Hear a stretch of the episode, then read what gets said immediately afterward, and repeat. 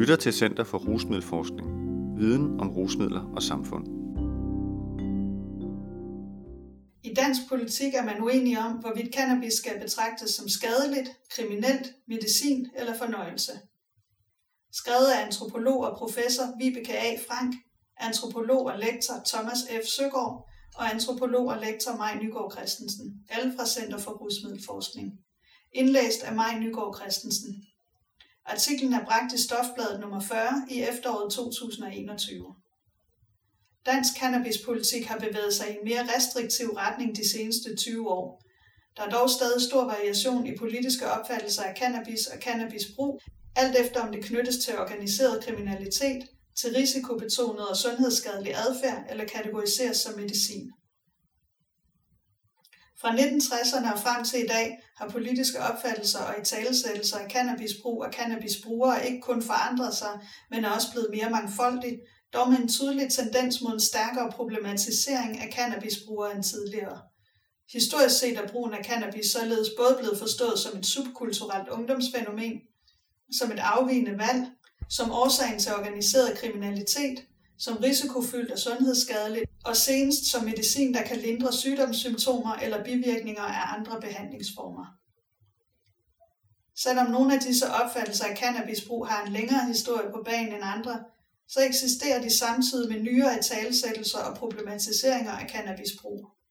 Derudover er disse italesættelser koblet til bestemte politikområder. Hvis vi vil forstå, hvordan cannabisbrugere i tale sættes i dansk cannabispolitik, er det således væsentligt ikke kun at fokusere på forbudspolitikken, men også at inkludere et fokus på, hvordan cannabisbrug opfattes i forebyggelses-, sundheds- og socialpolitik. At undersøge, hvordan cannabis i tale sættes som fænomen og problem inden for forskellige politikområder er væsentligt, fordi disse i talesættelser ofte danner baggrund for forskellige politikker og indsatser. Cannabisbrug var et ungdomskulturfænomen. Brugen af cannabis voksede hastigt i 1960'erne i Danmark, og især blandt bestemte grupper af unge, herunder hippier, nogle unge fra venstrefløjen og særlige subkulturer. Således blev cannabisbrug også et symbol på ungdomsoprør mod det etablerede samfund. I forlængelse af dette blev cannabis derfor primært set som et socialt fænomen og som en del af ungdomskulturen. Fik unge problemer med deres cannabisbrug, blev behandling anset for en bedre løsning end straf. Så selvom produktion, distribution og køb og salg af cannabis har været forbudt i Danmark siden 1955, blev besiddelse til eget forbrug såkaldt depenaliseret i 1969, det vil sige at noget betragtes som kriminelt, men ikke straffes. Dette betød således, at blev man taget med mindre mængder af cannabis på sig, blev stoffet konfiskeret, men det blev ikke straffet. Unge, der havde behov for hjælp, blev således henvist til det sociale system, hvis de fik problemer med cannabis, i stedet for det strafferetlige system. Vi havde således i Danmark en relativt liberal cannabispolitik, hvor man skældnede mellem cannabisbrugere og cannabissælgere. De førstnævnte var potentielt sociale klienter med sociale problemer, mens sidstnævnte var kriminelle og dem, der var fokus for politiets indsats og straf. Den opfattelse af cannabisbrug ændrede sig dog med den nye narkotikastrategi Kamp mod narko i 2003, som fulgte i kølvandet på, at cannabisbrug i stigende grad blev set som et afvigende valg. Cannabisbrug blev måske mere normalt, men også stadig et afvigende valg. I løbet af 1990'erne og begyndelsen af 0'erne begyndte statistikker at vise, at brugen af cannabis var mere udbredt end tidligere blandt unge. Undersøgelser viste også, at unges holdning til cannabisbrug var blevet mere liberal. I forskningen og i den offentlige debat begyndte man således at stille spørgsmålstegn ved, om cannabisbrug var forbeholdt særlige subkulturer, eller om man i stedet skulle begynde at se brugen af cannabis som et normalt fænomen blandt unge generelt.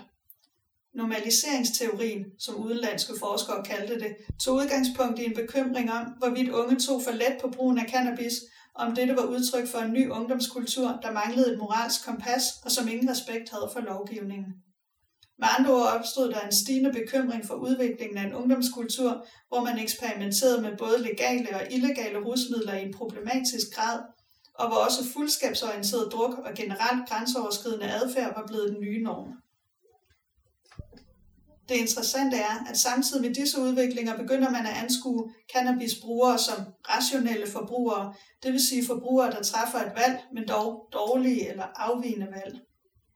Denne opfattelse af cannabisbrug som afvigende ligger også til grund for argumentationen i den narkotikastrategi Kampen mod narko, der kommer i 2003.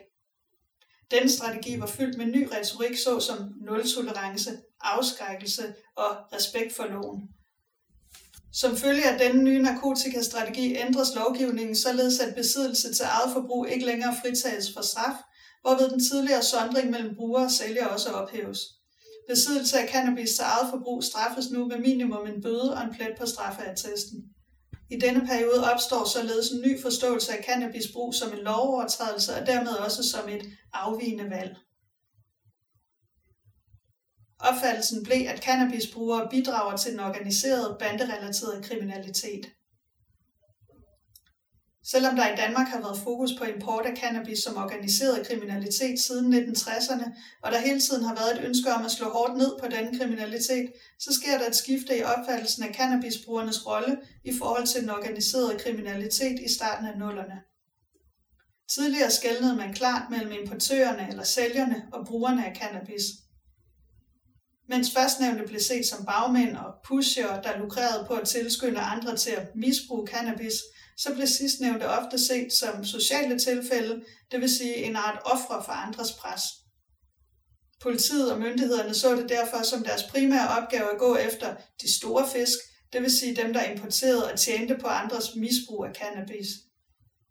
Med kampen mod narko begyndte man imidlertid også at gå efter cannabisbrugerne, som nu ikke længere blev set som ofre for andres pres, men derimod i stigende grad som aktive købere, kunder og som det økonomiske grundlag for den organiserede kriminalitet. Cannabisbrugere bliver med andre ord rammesat som nogen, der gennem deres afvigende forbrugervalg er medansvarlige i at drive den organiserede cannabiskriminalitet frem i Danmark. På den baggrund er købere af cannabis i stigende grad blevet målet for politiets indsatser. Cannabisbrug som potentielt sundhedsskadeligt og dermed risikofyldt. Parallelt med forståelsen af cannabisbrug som et kriminalitetsproblem, har der også siden slutningen af 1990'erne været fokus på cannabisbrug som et helbredsproblem og som en risikofaktor. Siden 1990'erne er cannabis blevet talesat som særlig risikofyldt for unge, eftersom brugen af cannabis kan give helbredsskader, som for eksempel psykoser, sociale og indlæringsmæssige problemer, og fordi brugen af cannabis menes at kunne føre til brug af andre mere farlige illegale rusmidler. Cannabis anskues i denne sammenhæng som en risikofaktor, og unge, der bruger cannabis, beskrives ofte som værende i risiko. De er endnu ikke afhængige, har endnu ikke indlæringsvanskeligheder, og de bruger endnu ikke andre illegale stoffer end cannabis. Men risikoen for, at alt dette kan ske, er til stede. Udover at blive i talesat som i risiko, bliver unge også i talesat som risikoudsatte. Det vil sige, at selvom unge ikke selv bruger cannabis, så er de udsat for risiko, når andre unge bruger cannabis. Cannabisbrug anses således at være en potentiel smittekilde, i det unge, der bruger cannabis, kan inspirere andre unge til også at begynde, hvilket kan øge sidstnævntes risiko for at droppe ud af skolen. Unge, der bruger cannabis, udsætter således ikke blot sig selv for risici, de anskues i stigende grad også som en risikokilde for andre. På den baggrund har en række ungdomsuddannelser taget nul-tolerance-politikken til sig og lavet regler om, at cannabisbrug og det at være påvirket af cannabis på skolerne sanktioneres med hjemsendelse eller bortvisning. Dette gøres for at beskytte den ikke-cannabisbrugende del af eleverne på ungdomsuddannelserne. Cannabis som medicin. Over de senere år bliver cannabisbrug også i talesat som medicinsk brug. Dette har medført et skift i betragtningen af cannabis fra ulovligt stof til en lovlig medicinsk substans. Selvom cannabis til medicinsk brug har været tilladt mange andre steder i verden i årtier, er der først i 2018 indført forsøg med medicinsk cannabis i Danmark. Det betyder dog ikke, at cannabis ikke tidligere er blevet brugt som medicin herhjemme. Det er det, men det har været ulovligt at gøre det. Alligevel har det været nemt at finde information om medicinsk brug af cannabis på internettet. For eksempel deler mange erfaringer om, hvilke lidelser og bivirkninger af anden medicin, som for eksempel cancerbehandling, cannabis kan være med til at lindre.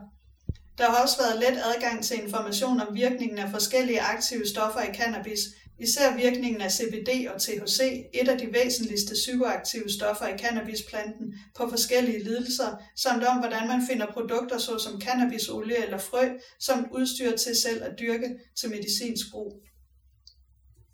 På trods af det nye forsøg med medicinsk cannabis, er der stadig mange, der bruger cannabis medicinsk, uden at få det udskrevet af en læge. En væsentlig grund hertil er, at forsøget udelukkende inkluderer særlige lidelser, f.eks. sklerose eller patienter i kemoterapi. I talesættelsen af medicinsk brug af cannabis er tæt knyttet til opfattelsen af dem, der bruger det som patienter, der får lovlig medicin, og ideen om, at disse skal beskyttes mod det illegale cannabismarked. Derfor er medicinsk brug af cannabis typisk i talesat som væsensforskelligt fra det rekreative brug, der er illegalt og nydelsesorienteret. Der er dog i praksis gråzoner, eftersom mange, der bruger cannabis som medicin, opfatter sig selv som patienter, men stadig må på det illegale marked, da deres lidelse ikke er inkluderet i det legale forsøg. Fremtiden for dansk cannabispolitik peger i forskellige retninger.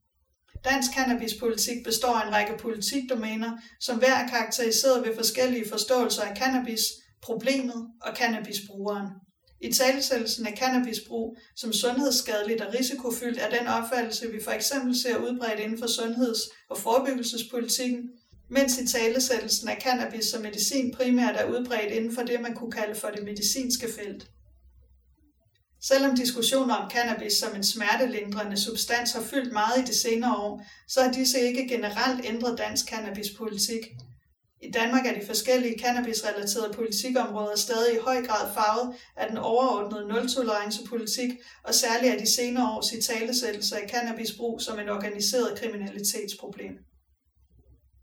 Dette har betydet, at mens flere lande i disse år ændrer deres cannabispolitik i en mere liberal retning, hvor man for eksempel afkriminaliserer cannabis til eget forbrug, og hvor medicinsk cannabis kan tildeles en lang række både psykiske og fysiske lidelser, så synes Danmark på et overordnet plan at bevæge sig i den modsatte retning.